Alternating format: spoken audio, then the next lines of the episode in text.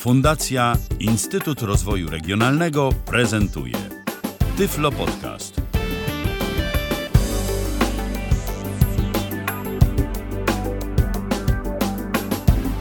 W kalendarzu mamy dziś wtorek, to 27 dzień czerwca 2017 roku. Witam bardzo serdecznie. Przy mikrofonie Michał Dziwisz, a przy drugim mikrofonie po raz kolejny Tomek Bilecki. Witaj Tomku. Dobry, dobry, dobry. Dobry dzień jeszcze nawet. Tak, dobry dzień. Tak, ano. Dziś będziemy mówić o samplerach. Yy, o samplerach, czyli o kolejnym elemencie tej układanki yy, cyfrowego dźwięku, yy, któremu to poświęcamy sporo miejsca na antenie Tyfloradia ostatnimi czasy. Dziś do sklepu nie będziemy zaglądać, a ty poopowiadasz co nieco na temat tego typu, chyba nawet bardziej oprogramowania, prawda? Tak, bardziej programowania i zaraz nawet się wytłumaczę dlaczego. Yy, I dlaczego tak. Okej, ale zanim będziesz się tłumaczył, to najpierw wytłumacz naszym słuchaczom, co to są właściwie te samplery. Sampler to jest y, instrument elektroniczny, który do generowania dźwięku używa y, jakichś, no krótko mówiąc, nagrań. Czyli najpierw jest wrzucone jakieś nagranie czegoś tam, jakichś tam dźwięków, instrumentów albo czegokolwiek innego i odpowiednio tworząc te dźwięki w różnej kolejności, może z różną prędkością, w różnym czasie, stosując różne inne zabiegi, no możemy stworzyć sobie instrument czyli i zagrać sobie jakąś tam muzyczkę na tymże instrumencie. Ale to czy to zawsze tak jest? Bo e, już pytam, e, dlaczego e, taka wątpliwość mi się pojawia. Bo kiedyś na przykład, i to już nawet mówiłem ci przed wejściem, ja się spotkałem z urządzeniem, które też nosiło nazwę samplera, ale mm, to urządzenie miało zdecydowanie mniej możliwości, bo można tam było tylko jeden jakiś dźwięk wgrać. Miało to taką malutką pamięć na 5 sekund. Można było z tym dźwiękiem zrobić rzeczy następujące. Można było go zapętlić, można było zwiększyć bądź też zmniejszyć jego wysokość. I to tak w zasadzie tyle. I to też się nazywało sampler.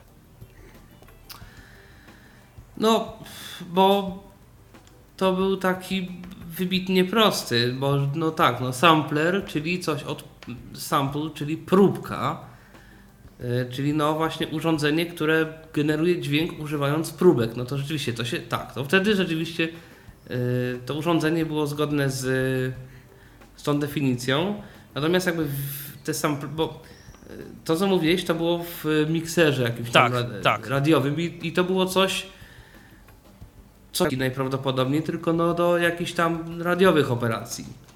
Dokładnie. Najprawdopodobniej. To nawet był chyba bardziej taki DJ-ski niż radiowy mikser, z tego co pamiętam, więc, więc to tam bardziej do jakiejś, No to wiesz... pewnie też jakieś DJ-skie efekty, No. czy tam coś takiego. W każdym razie jakby w takim aspekcie tworzenia muzyki, no to, y, no to jakby no służy sampler, no głównie jakby samplerów, y, może nie to, że używa się, ale no dzisiaj myślę, że będziemy mówić głównie o takich samplerach, które jakby służą do no, tworzenia muzyki, Aha. myślę. No tak, bo przede wszystkim tego typu, przede wszystkim tego typu rzeczy no w dzisiejszych czasach są chyba wykorzystywane. Okej, No czyli i oczywiście plus jakaś tam ewentualnie DJ-ka, ale taka bardziej zaawansowana. tak. Z Więc, tego co mi wiadomo. więc okej, to już wiemy, co te samplery robią, y, do czego one służą, że to też możemy mówić o instrumentach. No i jak taki sampler wygląda? Czy to też jest taki w cudzysłowie keyboard, czy, czy, czy, czy coś innego? Jakoś inaczej to jest zrobione? Znaczy, samplery to jest w ogóle dosyć skomplikowana historia, bo tutaj to taki najpierw taki rys historyczny należałoby, e, bo samplery to jest dawno, dawno temu się pojawiły. No nie mówię o jakichś takich y, naprawdę y, pierwszych próbach użycia sampli, bo to mówię w tej pierwszej audycji, to był w ogóle początek XX wieku, ale to było urządzenie wybitnie eksperymentalne. Natomiast taki pierwszy sampler, który rzeczywiście się nie tylko przyjął, ale teraz jest w ogóle taką legendą, jeśli chodzi o, o sampling, to było takie urządzenie Mellotron. E, było jeszcze kilka takich samplerów, ale one nie zyskały takiej popularności jak Mellotron. Więc na Mellotronie się skupię. I to był taki klawisz, no taki keyboard, z tym, że miał jeszcze głowice magnetyczne i taśmy. Tych taśm było dosyć sporo i na takim kawałku taśmy był nagrany jeden dźwięk jednego instrumentu, znaczy jedna nuta grana na jednym instrumencie, przeważnie. I teraz naciskając klawisz, wprawiało się, znaczy wprawiało się, no powodowało się, że yy, głowica no, była wprawiona w ruch, no i czy taśma i to wszystko zaczęło się odtwarzać. Yy, tak jak w magnetofonie, z tym, że no, tutaj było ileś tych taśm, więc można było kilka tych dźwięków yy, na raz zagrać. I to było w latach 60. I ten mellotron był wykorzystywany przez bardzo wielu muzyków, przez wiele zespołów. Z naszych polskich zespołów miał to chociażby Czesław Niemen. E, nie wiem, czy kombi nie miał melotronu. E, zespoły zagraniczne to jest potwornie długa lista, którą, którą ciężko nawet podejrzewam byłoby jakoś skompletować. No w każdym razie to był taki chyba najbardziej komercyjny sampler, taki wczesny. No i później jak pojawił się dźwięk, znaczy techniki cyfrowe zaczęły wkraczać do dźwięku, no to samplery można powiedzieć aż się prosiły o to, żeby je przenieść w ten świat cyfrowy, bo no można zapisać e, cyfrowo dźwięk, więc jeśli go można zapisać, można go również odtworzyć i Oczywiście. to dosyć łatwo. Y, bez wykorzystania miliona głowic i tak dalej, i tak dalej. No i można powiedzieć cyfra, y, no to równa się sampling, że się tak dziwnie wyrażę, y, niemalże. No tak, bo w cyfrowym zapisie i odczycie dźwięku, no to się po prostu próbkuje, tak? Próbkuje się, no i właśnie taki najprostszy sposób to jest nagrać sobie kilka jakichś dźwięków, wszystko jedno, czy w jakimś tam wave'ie, czy tam w innym formacie, jak to sobie tam wymyślił w samplingu i je jakoś tam odtwarzać e, z dysku. E, no oczywiście to się tak prosto nie dzieje, bo najczęściej to jest tak, że to jest ładowane do jakiejś tam pamięci RAM, żeby to szybciej odtwarzać, bo dyski, zwłaszcza te pierwsze, no to nie, nie były tak szybkie, żeby, żeby sobie z tym poradzić, więc, e, więc to się wgrywało do, do pamięci RAM. No i oczywiście najpierw powstały jakieś tam samplery sprzętowe w bardzo różnych, przeróżnych formach. Były takie właśnie jak klawisze, ale na przykład były samplery perkusyjne, które miały albo wejścia na jacki, do których podłączało się perkusje elektroniczne, albo takie pady, czyli takie duże, to o tym mówiłem też w audycji o klawiaturach sterujących, że były takie duże pady e, Tomku, jakbyś mógł zrobić coś e, u siebie z mikrofonem, bo ja próbuję to korygować, ale uciekasz mi na jeden kanał strasznie. E, a zaraz się coś spróbuję z tym zrobić. O, i uciekłeś już całkiem. Widzę, ale o, już wróciłeś. to się poprawiło. W każdym razie, były te pady, czyli przyciski takie jakby duże, kwadratowe, prostokątne, różnie to było w które się jakby stukało i w ten sposób właśnie najczęściej jakimiś tam perkusyjnymi czy innymi takimi dźwiękami się sterowało. No i oczywiście były samplery, które w ogóle były jakimiś urządzeniami, jakim, jakimiś tam w ogóle swoimi, swoistymi. E, natomiast no właśnie wyglądało to różnie. Nie zawsze to miało klawisze. No a od pewnego czasu, jako że no każdy komputer ma tego RAMu dosyć sporo na starcie, więc no to producenci zaczęli coraz ciekawsze samplery robić w formie programów, niekoniecznie sprzętu. No i doszło dzisiaj do sytuacji takiej, w których najbardziej zaawansowane samplery to są właśnie programy. To jest oprogramowanie, y, które możliwościami bije na głowę samplery dzisiejsze sprzętowe, choć samplery sprzętowe też są wykorzystywane y, do sytuacji na żywo. One mają wgrywane jakieś sample, jest ich dosyć sporo.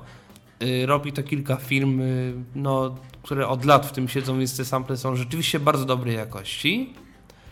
Niemniej do takich zastosowań chyba jednak lepszy będzie sampler programowy, bo po prostu ma rzeczywiście dużo, dużo większe możliwości od tego, co w tej chwili jest y, no, sprzętowego.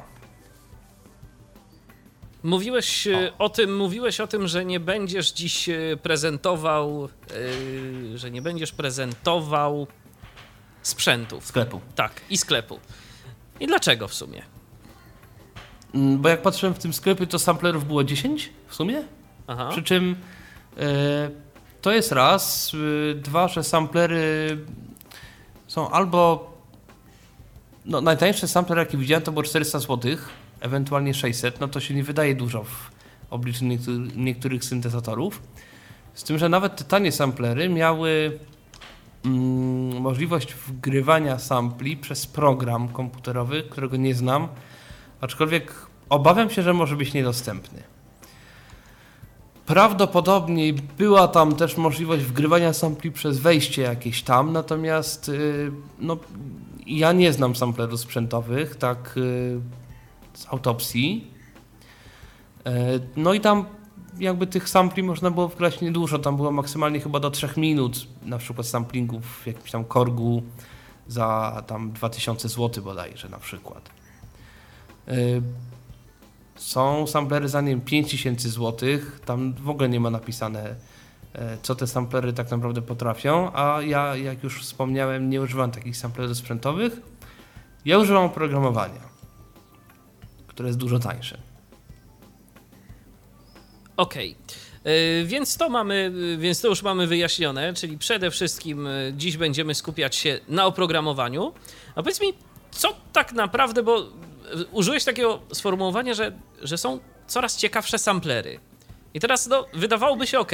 Podstawową zasadą działania samplera to jest y, odgrywanie tych dźwięków y, z użyciem no, jakichś tam y, klawiszy, tak? Czy na klawiaturze sterującej, czy, czy w jakiś inny sposób. Ale jak się domyślam, to nie wszystko. Coś, coś jeszcze te samplery mają, coś z tymi dźwiękami mogą robić, tak?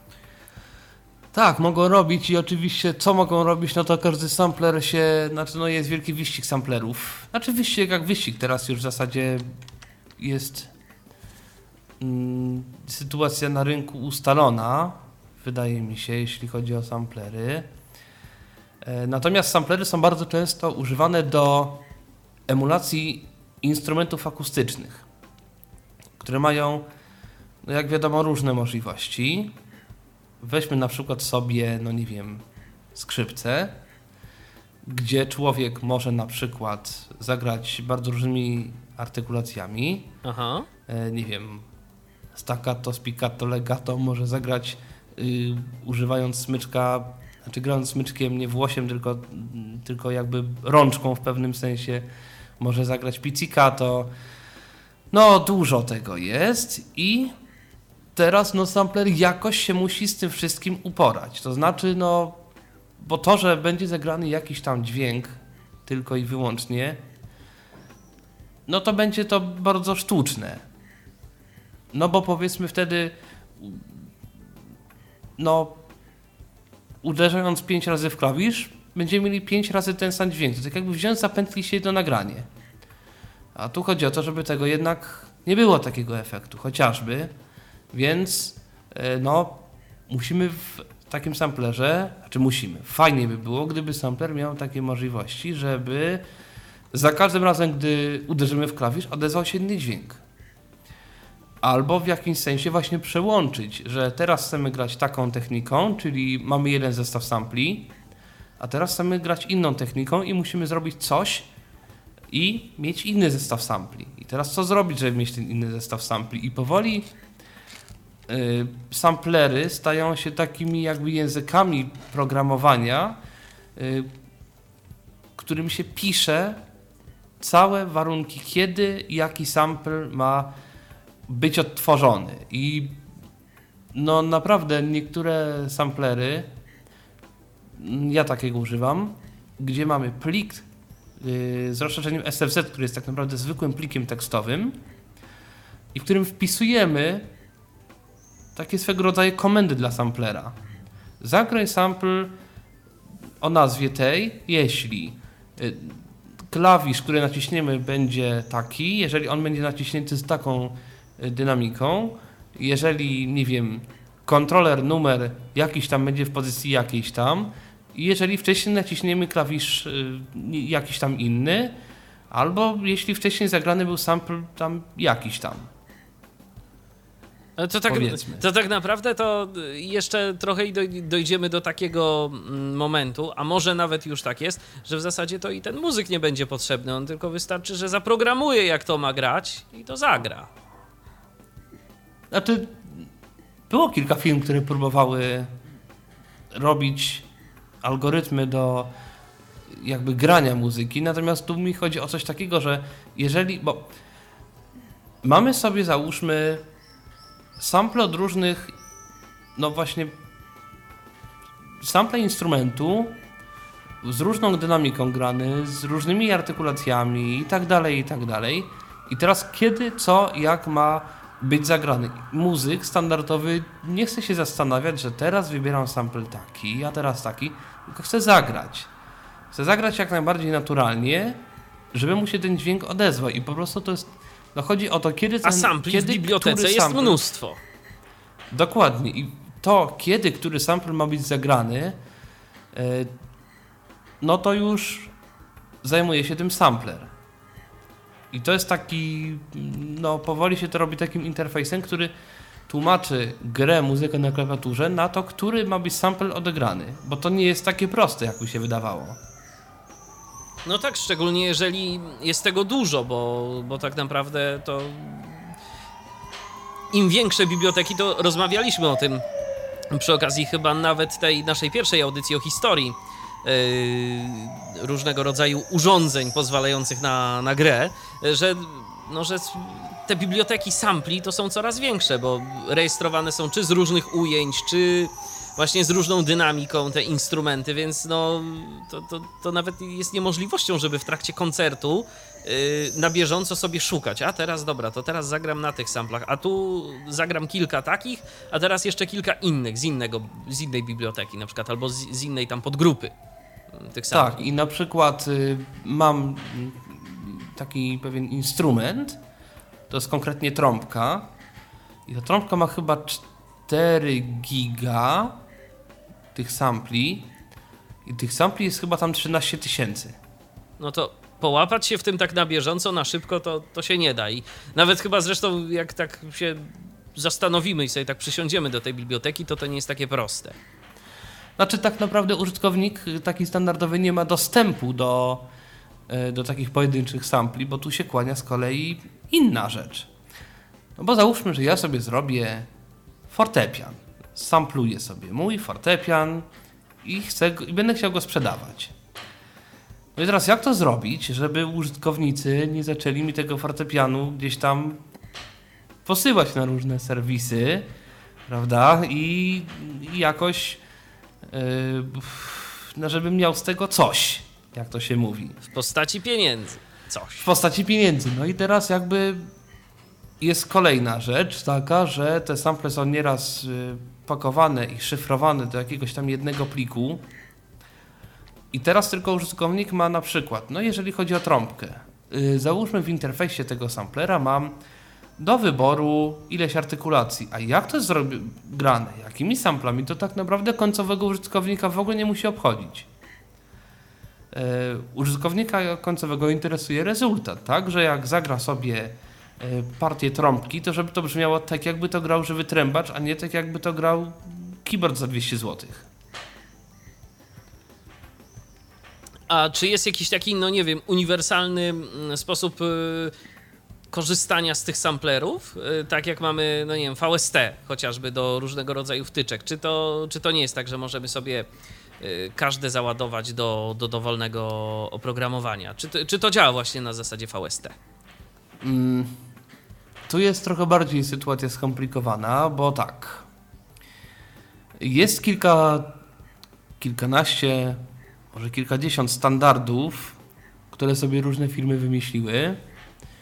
Te standardy są po pierwsze nowsze lub starsze, po drugie bardziej lub mniej otwarte, po trzecie nieoficjalnie bardziej lub mniej otwarte, Po czwarte, jeden standard może być otwarty i może być zamknięty, bo coś tam. I jeszcze kilka innych rzeczy. A po piąte, może być zgubiona, doku zgubiona dokumentacja i ktoś to sobie rozkminia po kolei. Yy, I pewnie jeszcze tego można mnożyć. I teraz różne sprzęty, różne programy w związku z tym mają różne różne jakby formaty tych sampli, które mogą odtwarzać. Yy,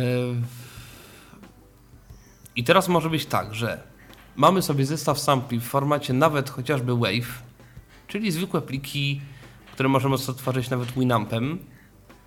Yy, Ja mam kilka takich, yy, takich plików, mogę nawet potem jakoś pokazać. Okej. I plik taki albo tekstowy, albo jakiś binarny generalnie, który mówi samplerowi, jak te pliki mają być odtwarzane w zależności od tego, jak y, tam sobie użytkownik to e, zagra. Aha. Y, czyli, czyli mamy takie rzeczy. Czyli no, tak naprawdę co, co kraj to obyczaj, co producent to wygląda to po prostu różnie. Tak. W tym o, przypadku. Tu mam na przykład Aha. y, jakieś pianino VST, które ma 640 sampli. I dlaczego? Mm, Ja tu spróbuję sobie to odtworzyć, zobaczymy, czy to mi się uda. E, Próbuję, ale jakoś mi to nie bardzo wychodzi. No, na razie nie słyszymy A. nic. Coś jest, tylko że jest po pierwsze cicho, po drugie O, w jednym jest. kanale tylko. Ja bym chciał, żeby to grało w dwóch kanałach. Ale chyba zaraz to zagra w dwóch kanałach. Eee, Zagrało. to jest najniższy dźwięk fortepianu, zagrany bardzo cicho. Ten sam, zagrany nieco głośniej. Jeszcze głośniej. I jeszcze głośniej. O. Trochę to ściszyłem.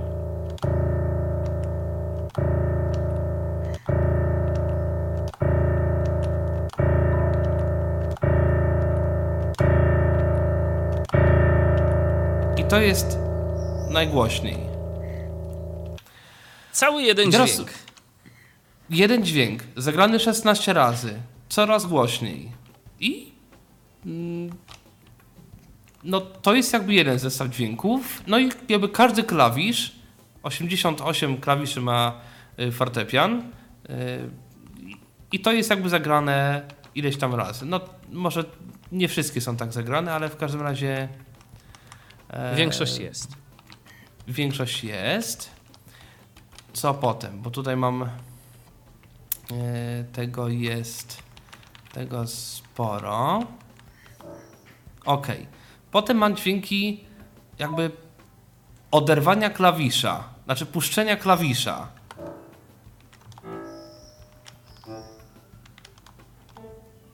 Co się dzieje, gdy jest puszczony klawisz? Takie odcięte kawałki. Y, I tego sporo. E, Potem mamy dźwięki wciśnięcia pedału. Drugi dźwięk. I puszczenie pedału. A, nawet coś Dwa razy. takiego. I teraz dźwięki jakby puszczenia klawiszy odpowiednich. To spuszczenie klawisza fortepianu. A, czyli żeby nawet to było gdzieś tam słyszalne. No bo Tak. I teraz. mm, I teraz na przykład wciskam sobie jakiś tam klawisz. Sampler dostaje informację. Użytkownik wcisnął ten klawisz z taką siłą. W związku z powyższym ma y, sobie w tym pliku zaznaczone, że jeżeli użytkownik naciśnie ten klawisz, niech zagra sample. Ta, jeżeli naciśnie klawisz z, z taką dynamiką, niech zagra sample tam jakiś. Jeżeli puści klawisz, niech zagra po pierwsze ten sample release'u dźwięku, ale z głośnością dopasowaną do tego, jaka jest obecnie odgrywana głośność sampla, żeby, żeby to puszczenie nie było za głośno. Po drugie, niech zagra ten dźwięk puszczenia klawisza. No tak, żeby to było takie naturalne. Żeby to było takie naturalne. I to jest fortepian, który jest stosunkowo łatwy do samplowania, no bo tu mamy tylko i wyłącznie naciskanie klawiszy. Choć tak naprawdę z drugiej strony fortepiany, te biblioteki brzmień fortepianowych są ogromne, bo tu jest na przykład tylko jedno ujęcie mikrofonowe. Znam fortepiany, gdzie tych ujęć jest na przykład 4 albo 5. Więc mamy po pierwsze to wszystko razy 5. Po drugie, y, nie tak jak tutaj, że tylko część klawiszy jest samplowana, a inne są po prostu podwyższaniem lub obniżaniem tych klawiszy odpowiednio, ale absolutnie każdy klawisz jest samplowany razy na przykład 16 E, razy 5 ujęć mikrofonowych, plus te sample release'u, może nawet po kilka razy. I na przykład widziałem fortepiany, które mają 13 giga. No to już rzeczywiście 20 sporo. giga. Mówisz, że fortepian jest y, łatwy do samplowania, a jakie instrumenty są najtrudniejsze do samplowania? Czy są takie, których nie da się zrobić naturalnie? Są takie, które bardzo trudno e, zrobić naturalnie, na przykład skrzypce, dlatego że no przede wszystkim klawiatura nie jest przystosowana do takich efektów, jakie osiągają skrzypkowie. Skrzypek może zagrać e, nutę, zacząć ją grać cicho, a potem ją przygłośnić odpowiednio manipulując smyczkiem. Na klawiaturze takiego efektu zrobić się po prostu nie da.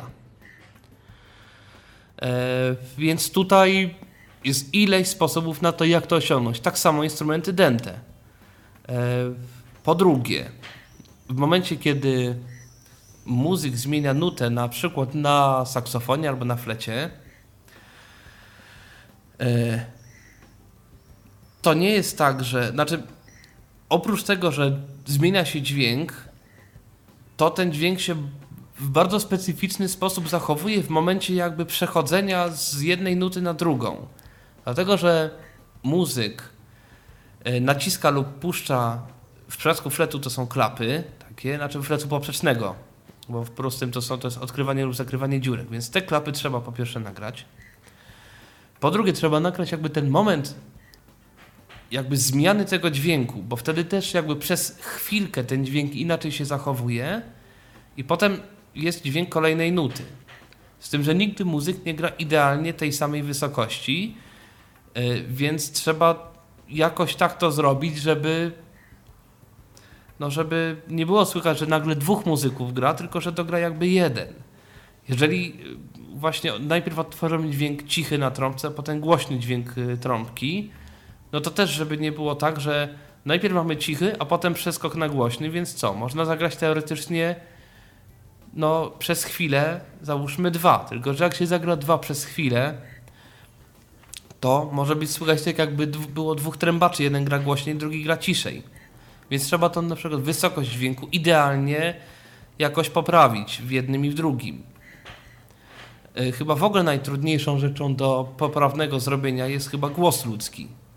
Yy, Zauważcie tutaj wszyscy słuchacze yy, i ty Michale, że nie wiem czy jest tak naprawdę w tej chwili syntezator mowy, który by się zachowywał absolutnie naturalnie. Chyba nie, ma. Nie, to znaczy jakaś kanadyjska firma coś próbuje e, stworzyć takie narzędzie, gdzie podamy jakieś tam próbki głosu i on będzie w stanie teoretycznie odzwierciedlić każ głos każdego, ale to jest na razie taki, taka marketingowa zapowiedź.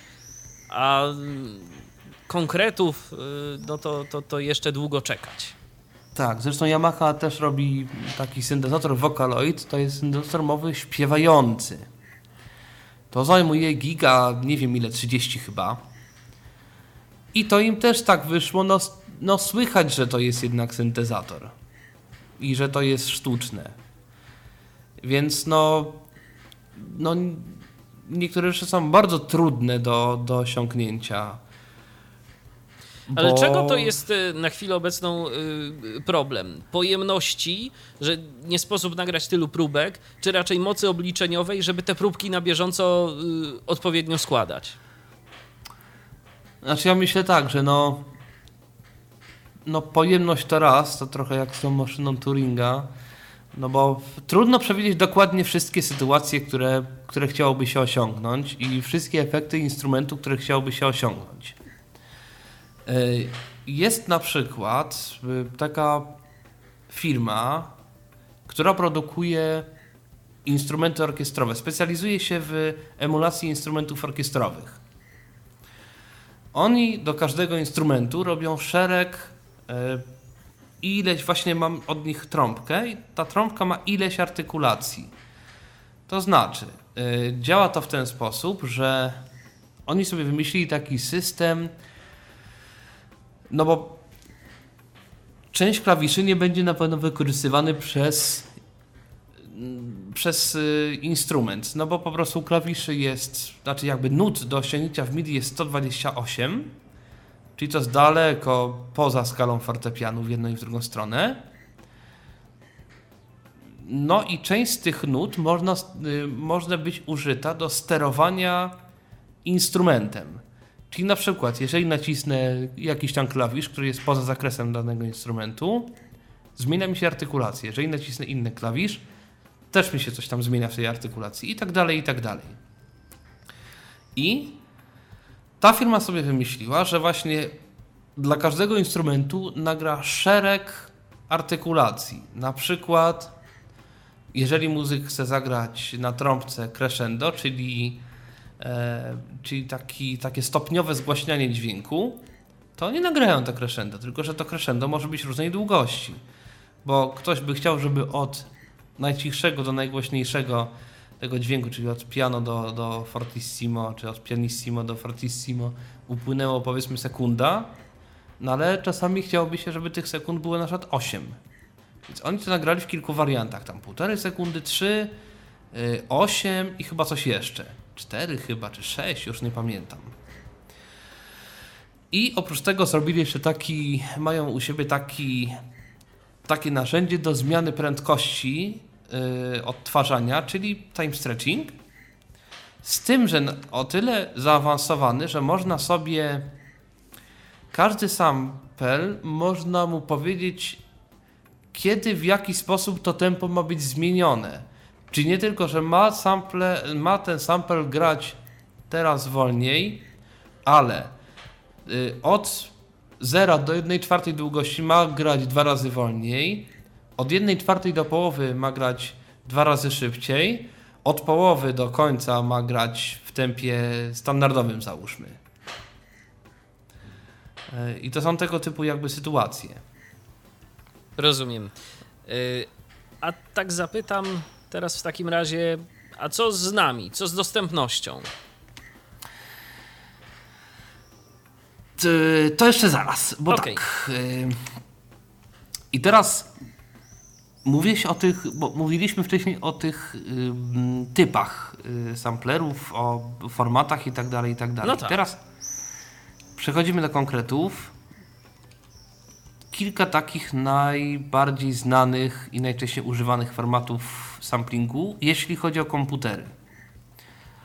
E, format bardzo dawny, mało rozbudowany, ale jest stosunkowo dużo darmowych brzmień.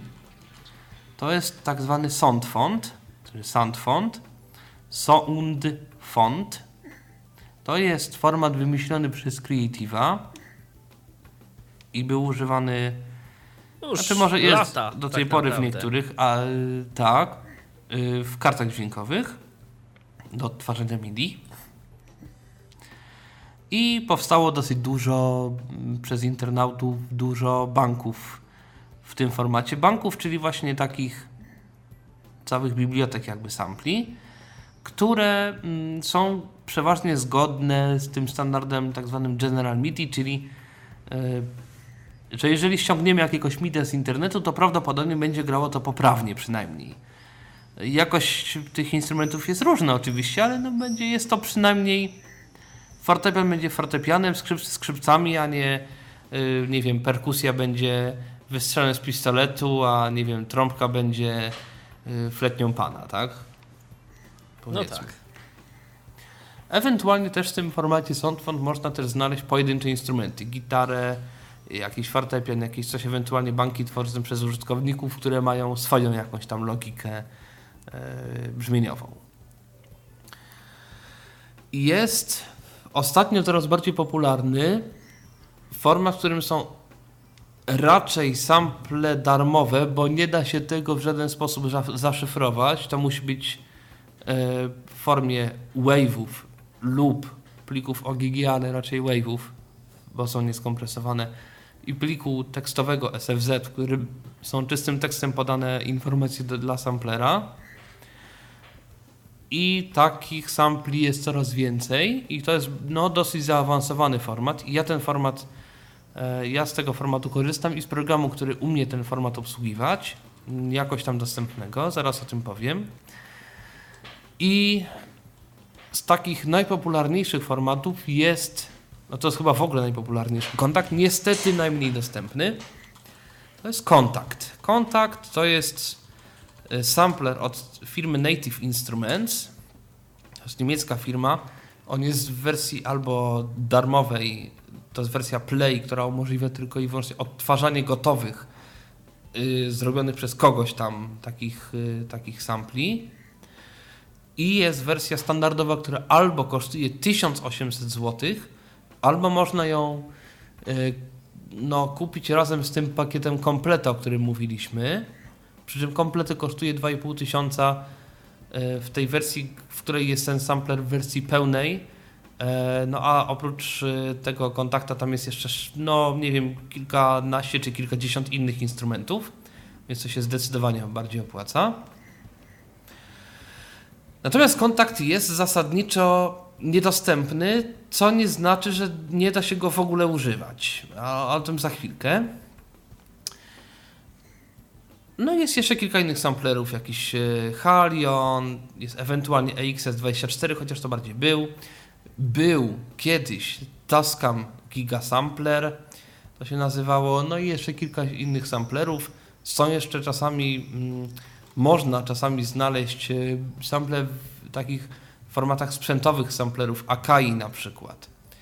E, ale to bardziej, to już są raczej historyczne rzeczy, które, które po prostu były ewentualnie e, czasami są jakieś sample właśnie dla Ale jest posiadaczy coś, tych... co potrafi to tworzyć, czy trzeba mieć po prostu już taki sprzęt, do którego to Tak, nieraz tak, bo znaczy w ogóle bo jeszcze nie powiedziałem o jednej jakby kategorii programów, czyli konwerterów sampli.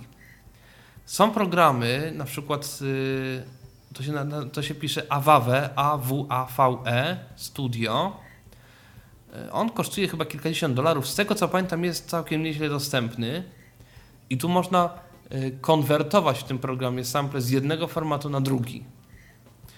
Był jeszcze taki polski program, Extreme chyba Sample Converter.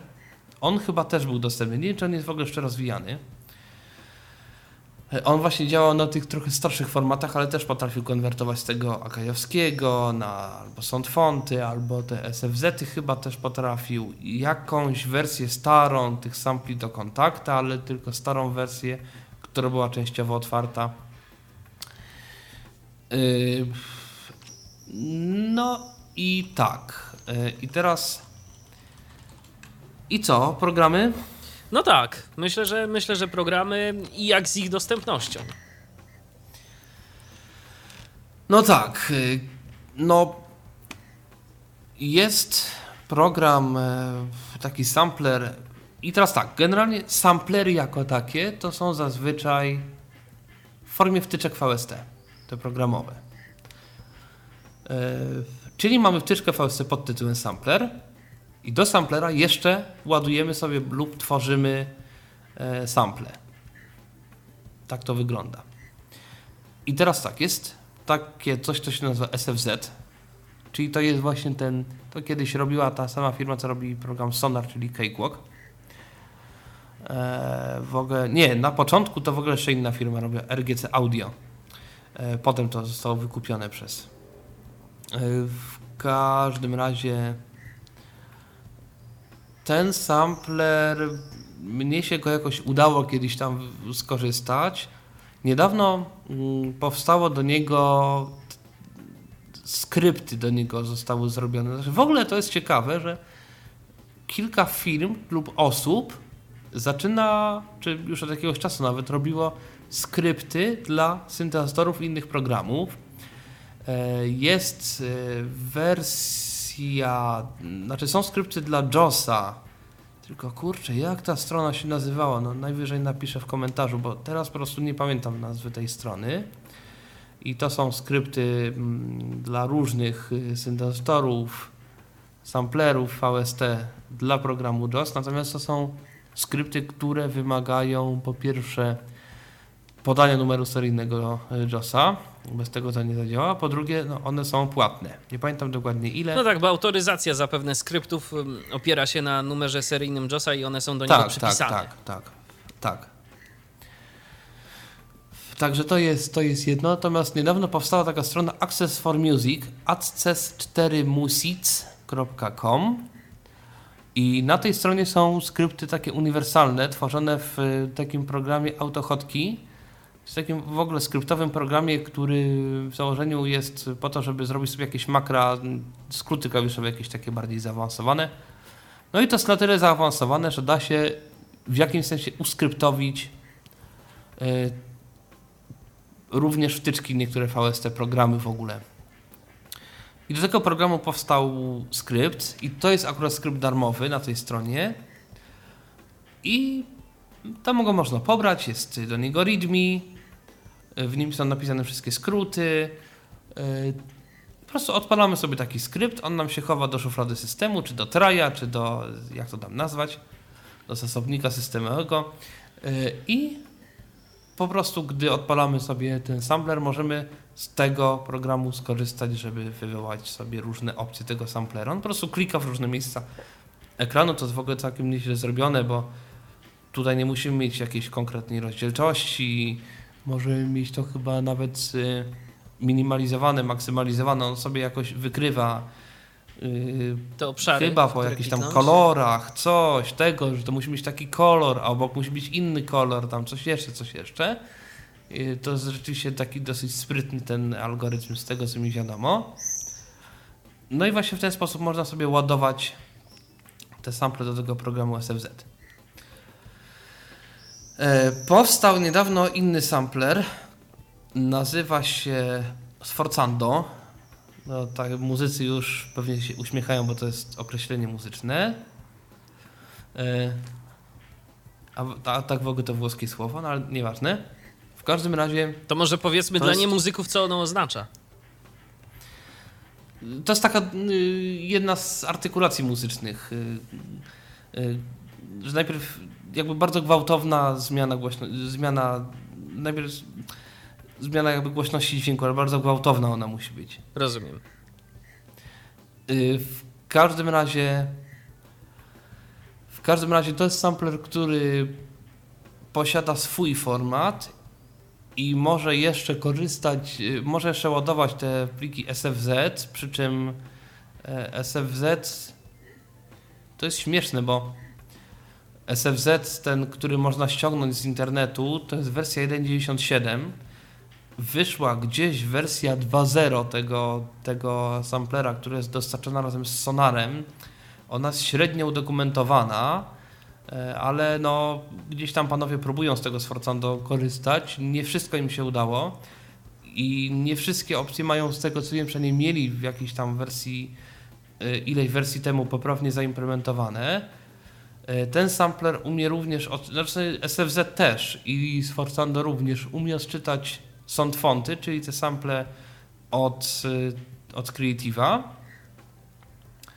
I chyba oba umieją to robić dosyć poprawnie, choć z tego co pamiętam, na, mm, e, SFZ miał kilka jakichś tam jakichś problemów. Tam miałem kilka takich, takich banków, które nie do końca poprawnie się odtwarzały na przykład. Ale to był problem, y, że niektórych banków na przykład nie czytał, czy niewłaściwie coś tam odgrywał z tego? Niewłaściwie, na przykład miał jakiś taki zestaw perkusyjny i tam jeden z elementów był strasznie głośno odgrywany. To się przesterowywało po prostu. Rozumiem. Ale tylko jeden z elementów, nie wiadomo dlaczego. Coś tam pewnie było, nie wiem. No, coś tam było. I jakoś panowie sobie z tym nie poradzili. E, W każdym razie to jest to. Nie wiem jak to jest w Forsando. I teraz no tak, SFZ jest nierozwijany od lat kilku. Y, z Forzando pojawiają się coraz to nowe wersje. Niestety on jest również nie bardzo dostępny. Próbowałem pisać do dewelopera. Y, Oczywiście deweloper, jak większość, stwierdził, no to jest darmowy produkt i to może kiedyś na nim przysiądziemy, ale pewnie nie. No, smutne, ale, ale niestety. I również na stronie Access for Music jest darmowy również skrypt do tego samplera.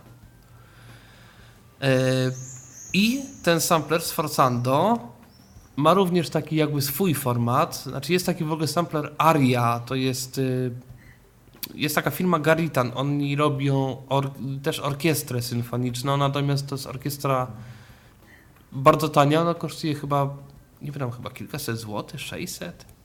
A jak z Była jej wcześniej, o której jakością? mówiłem. No słychać, że to jest takie sztucznawe, ale no Jak kogoś nie stać na nic lepszego, to może być. coś w tym rodzaju. No, jest to na pewno rzędu, no myślę, że najlepszych syntezatorów sprzętowych. Ta orkiestra. Albo trochę lepsza. Tak myślę, no bo to jednak ma parę giga. Rozumiem. E, I oni korzystają z takiego samplera Aria, który w zasadzie jest chyba tym samym co Sforzando i, i ten Sforzando umie również czytać te, te, te pliki tej orkiestry, więc można do niego to ładować. To jest w ogóle dosyć sprytne, bo on wtedy jakby nie trzeba plików ładować, on jakby widzi w bibliotece takiej swojej te, te rzeczy i, i, i tam trzeba kliknąć w pewne miejsce ekranu, e, to załatwiają te skrypty, otwiera się normalne menu kontekstowe i tam można sobie wybrać konkretne instrumenty i to jest rzeczywiście fajne, to działa. E, To jest to, no i właśnie ten sławetny kontakt. Y, I teraz tak, SFZ, ten format, czy ten sampler jest już dosyć zaawansowanym y, samplerem. Można rzeczywiście dużo z tymi samplami zrobić.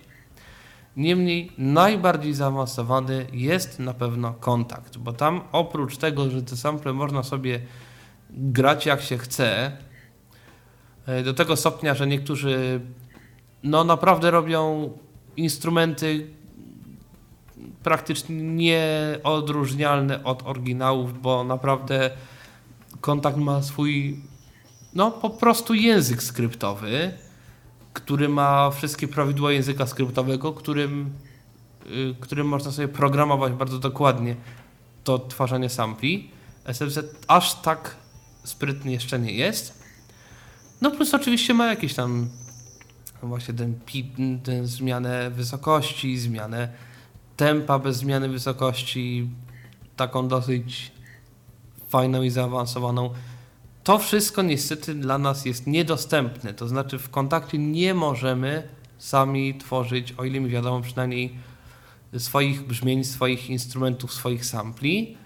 W SFZ to się da, ale no SFZ jest e, no trzeba to robić po prostu pisząc w notatniku i ładując potem ten plik do, do samplera. W ogóle tu też Sforzando ma taką jedną bardzo fajną rzecz, dlatego że jeżeli jakby wystarczy, że zapiszemy plik Ctrl S i Sforzando jakoś wykrywa, że ten plik został zmieniony i już go ładuje, więc nie musimy iść Przetywać do... tego jeszcze raz, gdzieś tam coś z tym robić. Dokładnie. Wystarczy, że zmienimy, zapiszemy i możemy już sprawdzić, czy to rzeczywiście jest fajny pomysł, czy nie.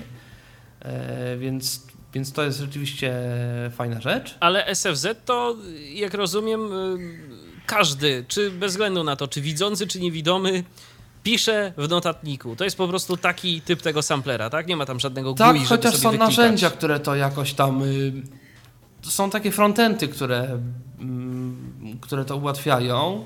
Są jakieś pliki dostępne, znaczy frontendy dostępne, są jakieś niedostępne. Jest jakiś SFZ Edit, to się chyba nazywa. Kiedyś coś patrzyłem. Znaczy tak, no, dla mnie, ja i tak y, wolałem pisać, bo ja robię raczej proste rzeczy. Ja nie robię jakichś skomplikowanych instrumentów. A myślę, że gdybym robił skomplikowany instrument, no i tak bym chyba po prostu albo napisał, albo poprosił kogoś o napisanie jakiegoś skryptu, żeby po prostu wypełnił mi pola w tekście jakoś dosyć podobnie. E, no ale wiem, że niektórzy używają tych edytorów i, i, i to chyba jakoś działa. Natomiast no niestety kontakt jest, jeśli chodzi o edycję i tworzenie dla nas rzeczą zamkniętą. Ale pograć sobie możemy. Ale pograć sobie możemy, dlatego że, znaczy tak, w ogóle jest potężna, znaczy jest w ogóle potwornie dużo właśnie bibliotek instrumentów dla kontakta. I tak jak mówię, to są nieraz instrumenty, które są naprawdę bardzo dobrze zrobione. Większość orkiestr na przykład, czy jakichś instrumentów w tej chwili takich akustycznych, tych, które są uważane za najlepsze, jest robionych właśnie jako biblioteka do kontakta. E, między innymi dlatego, że na przykład kontakt może mm, w kontakcie można zrobić interfejs dla tego instrumentu. Czyli instrument nie musi wyglądać jak sampler, tylko może wyglądać jak instrument. E, I ten, I ten interfejs można sobie stworzyć. To dla nas i tak nie ma znaczenia, bo to jest i tak dla nas niedostępne. E, ten interfejs z reguły. E, no chyba, że instrument jest zgodny z tym kompletem i mamy to kompletę oczywiście. No bo, no bo wtedy sytuacja się troszeczkę zmienia. No ale to już nie zależy od samplera, tylko w ogóle od wtyczki. W każdym razie, no albo jeżeli wszystko, co da się zmienić, da się zmienić przez MIDI, bo to wszystko jest, tak jak mówiłem, programowalne i przez y, producenta yy, przez producenta no danego samplera. Tego, znaczy samplera, on tego banku jakby do samplera. Aha. Bo w banku jakby możemy określić co i w jaki sposób przez MIDI tam jest robione. Sampler sam z siebie, no też gdzieś tam pozwala. To jest tylko silnik. Aha, to tak. Znaczy, to jest silnik, w którym można zrobić wszystko. A co już konkretny człowiek z tym zrobi, no to już jakby jego rzecz. Jego rzecz. Mhm. Yy, także no to jest to jest kontakt i rzeczywiście no widziałem całe orkiestry symfoniczne dobrej jakości, naprawdę bardzo dobrej jakości na właśnie dla kontakta. Yy, I kontakt rzeczywiście ma jakieś pogłosy splotowe, Y, ma jakieś algorytmy, które wykrywają, y, można zobaczyć jakieś spektrum jakby jednego dźwięku i przenieść to spektrum na inny dźwięk, jakby często mm, y, chodzi o jakby filtrowanie, nie wiem, że mamy dźwięk zagrany cicho na trąbce i głośno na trąbce i możemy teoretycznie płynnie przejść od jednego do drugiego jakby tego spektrum, teoretycznie. Różnie to się działa, ale no, no ponoć Możliwość jest. Ponoć, tak, ponoć możliwość jest. No to ma naprawdę potężne możliwości. I teraz na Access for Music jest skrypt, który jest w dwóch wersjach, płatnej i darmowej. Darmowa pozwala na y, ładowanie y, plików do tego samplera. Natomiast y, do kontakta, żeby po raz pierwszy, gdy ładujemy jakiś, jakiś bank, to trzeba to dodać do biblioteki. I dodawanie do biblioteki już jest tylko w wersji tej płatnej tego skryptu. I skrypty kosztują, żeby nie skłamać, 50 euro? Czy 50 funtów? Nie pamiętam. Ale i tak nie Coś... pozwalają nam na to, żeby sobie bank jakiś stworzyć. Nie pozwalają. To jest tylko kilka takich rzeczy, no bo no bo to się nie da. To rzeczywiście Native Instruments musiałoby udostępnić y, te możliwości. I dopóki oni tego nie zrobiono, to obawiam się, że inne rzeczy, znaczy te rzeczy jakby, które są zależne od instrumentu, no to się nie będzie dało, no bo to może, no bo każdy, kto tworzy taki, taki bank, może sobie dowolnie no taki e, taki interfejs zaprojektować. No tak. I na to nie ma opcji po prostu. To już by trzeba... Więc tu trzeba by robić do konkretnych banków skrypty. Ale zbudowanie jakiegoś takiego własnego y, banku do tego, to, to się robi w jakiejś aplikacji tego kontakta, tak? Tak, to się w kontakcie z tego co wiem robi. No tak, ale interfejs tak czy inaczej musiałby być dostępny. Do tak, tego. interfejs kontaktu przynajmniej Tak. musiał być dostępny. No i właśnie jak dostajemy też y, taki gotowy, jeżeli deweloper sobie zaszyfruje, no to również z poziomu kontakta nie jesteśmy w stanie niczego zedytować. Mamy tylko jakby dostęp do tego, co nam mm, udostępnił deweloper, więc to jest taki to jest sampler, ale jednocześnie taki silnik, który może być wykorzystywany przez innych i to w taki właśnie bardzo komercyjny sposób. Oni tu właśnie przewidzieli, że będą sprzedawane biblioteki i rzeczywiście e, i rzeczywiście są sprzedawane biblioteki nieraz za ciężkie pieniądze do tego właśnie samplera. Okej, y, to już y, mamy y, te najpopularniejsze i dostępne, albo i średnio dostępne dla nas. Y, Coś jeszcze a propos tego typu rozwiązań? Mówiłeś coś o Reaperze na przykład. Tak, że- mówiłem że coś o Reaperze, jest. bo no, jeżeli no, chcemy stworzyć rozbudowany sampler i rozbudowane coś do samplera, no to tak. Ale załóżmy, że jesteśmy sobie, no, że jestem sobie kimś, kto robi sobie jakąś muzyczkę w domu i potrzebuję jednego czy dwóch sampli. Nie wiem. Ściągnąłem z internetu nie wiem, klubową stopę perkusyjną, która po prostu ma dokładnie grać tak samo i mieć dokładnie ten sam dźwięk, tylko ma być samplowane. Albo jakieś moje zdanie, które będę chciał, y, nie wiem, odgrywać sobie, albo no cokolwiek, brzdęknę sobie w struny i, i ten ma mi też grać. No to oczywiście można zaprząc do tego SFZ i stworzyć sobie tam jedną czy dwie linijki tekstu i to potem załadować, ale nie każdemu się chce. Eee, Reaper, no ja korzystam z Reapera, bo to jest chyba najtańsze w tej chwili rozwiązanie takie pełnoprawne do tworzenia muzyki.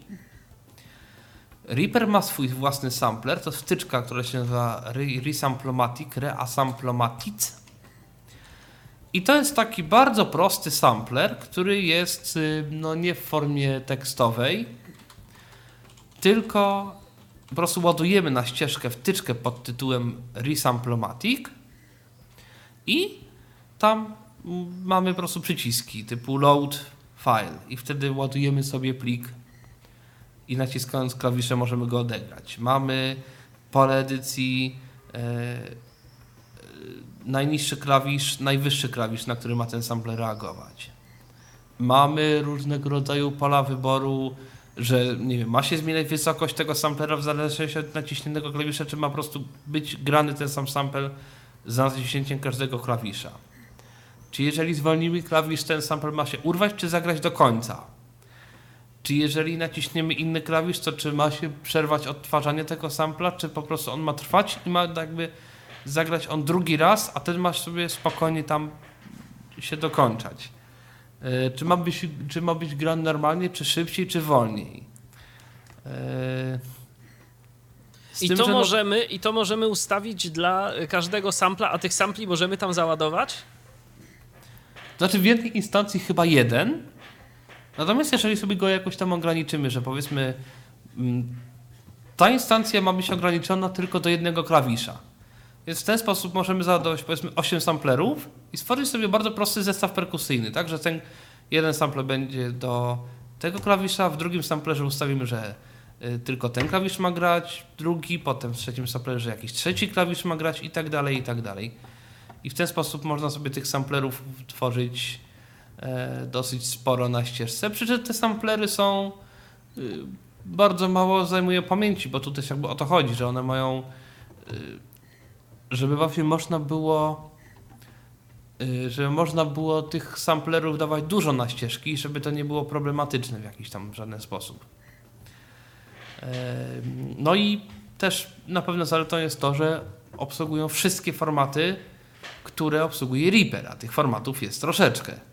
Więc można załadować MP3, można załadować Wave, można Jest załadować nieważne, nie co tam z tego internetu sobie, dajmy na to, ściągniemy. jeszcze. Tak, można sobie i też zresztą tam jest na przykład, czy ten dźwięk ma być odtwarzany od początku, czy nie wiem, od połowy na przykład. Więc możemy sobie załadować MP3 i, i powiedzmy e, i załadow- i odtwarza się tylko w jakimś tam konkretnym miejscu, tak? Jakiś kawałeczek. E, Można, chociaż mi się nie udało jakoś tego zrobić, załadować też sobie dowolny item z projektu Reaperowego. Tylko no nie wiem jak to się robi jeszcze, bo próbowałem tego używać, ale jakoś, jakoś nie wychodziło.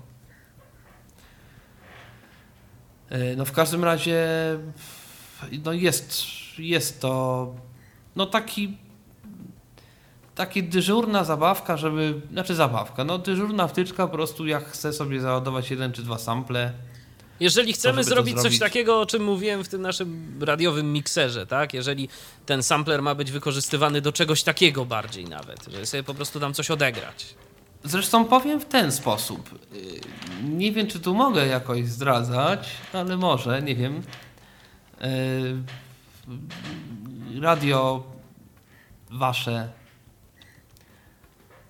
Czyli radio DHT, yy, czyli mówisz, Radio tak? DHT, No. zaczynam yy, próbować tworzyć jakąś oprawę muzyczną i właśnie do tej oprawy muzycznej nie wiem, co mogę pokazać, ale... No proszę bardzo, to taką prapremierę Yy. zrobimy.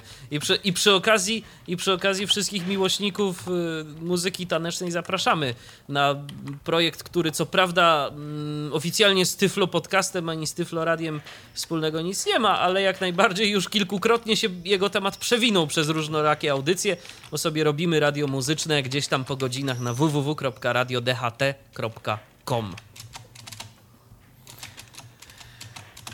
Tak. Dobra. Y, I tu właśnie między innymi wykorzystałem ten Resamplomatic. Nie wiem, może zaprezentuję jakiś tam No właśnie. jingle to ma być. Tak. To żeby nie było, to nie jest muzyka moich marzeń, ale nasz klient, nasz pan, jak to się mówi.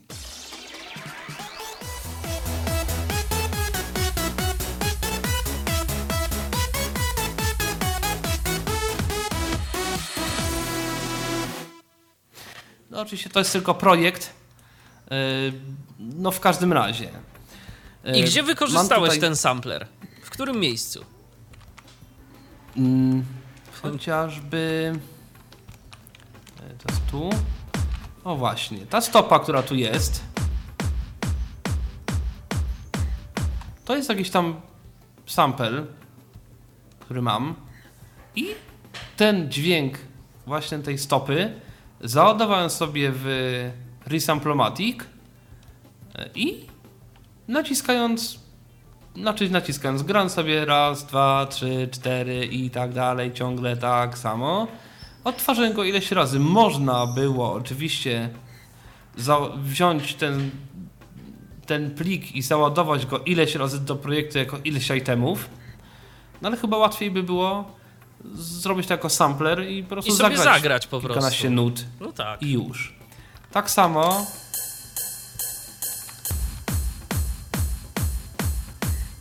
tutaj yy,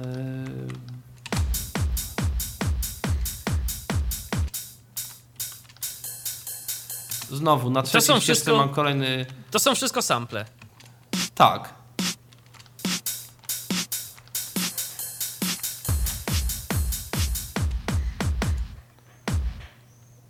No właśnie, i w ten sposób można było dosyć łatwo zrobić. Yy, zrobić yy, jakiś taki bardzo podstawowy beat, Czyli można. używając kilku samplerów. Czyli tak naprawdę już właśnie w tym momencie dowiedzieliście się, jeżeli jeszcze tego nie wiedzieliście, jak się robi współczesną elektroniczną muzykę. Taneczną przede No, wszystkim. coś w tym rodzaju. Yy, I tak jak mówię, można to było załadować do SFZ-a, no ale można to było też zrobić w taki sposób, jak ja to zrobiłem, czyli kilka samplerów i do każdego załadować jeden sample i już. Jak rozumiem, y, już ta linia melodyczna, która tam jest, to, to, to już po prostu jakiś y, VST, jaka, jakiś y, mm, syntezator na przykład. Tak, to zresztą te wszystkie melod bass, te linie melodyczne, harmoniczne rzeczy i tak dalej, to jest ten syntezator, który pokazywałem w, y, no, we wcześniejszej audycji, czyli Synth 1, darmowy syntezator. Jak widać się nadaje się. Dokładnie. Czyli Reaper, czyli Reaper może nas wspomóc y, w samplerze. Y, Ja na przykład w SoundForge'u widziałem też coś takiego jak sampler. Kiedyś, kiedyś, kiedyś, dawno, kiedy się jeszcze tym bawiłem. Yy, orientujesz się, kojarzysz jakoś, czy, czy to podobne Nie wiem, co to rozwiązania ma? Nie wiem, co to jest za sampler. Wiem, że rzeczywiście jest coś takiego w SoundForge jak sampler, ale nie wiem, o co im, im chodzi. Czy coś jeszcze możemy tu dodać a propos jakichś rozwiązań, jakichś e, programów, e, z którymi warto, żeby się nasi słuchacze zapoznali, jeżeli chcą się bawić w sampling? Y, ostatnio zauważyłem też na tej stronie Access for Music, w ogóle też y, polecam ludziom, którzy chcą coś tam sobie mm, robić, y, odwiedzenie tej strony, bo tam od czasu do czasu coś tam się nowego pojawia. Ostatnio się pojawiły też skrypty do jakiegoś czegoś, co się nazywa POIS Sampler, czy POISE Sampler to się nazywa, pisane przez i.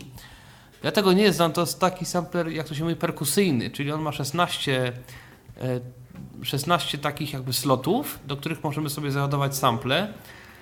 I to jest mniej więcej mm, coś takiego jak te samplery sprzętowe za powiedzmy 600 zł. To jest mniej więcej tego rzędu, e, tego rzędu mm, funkcjonalność.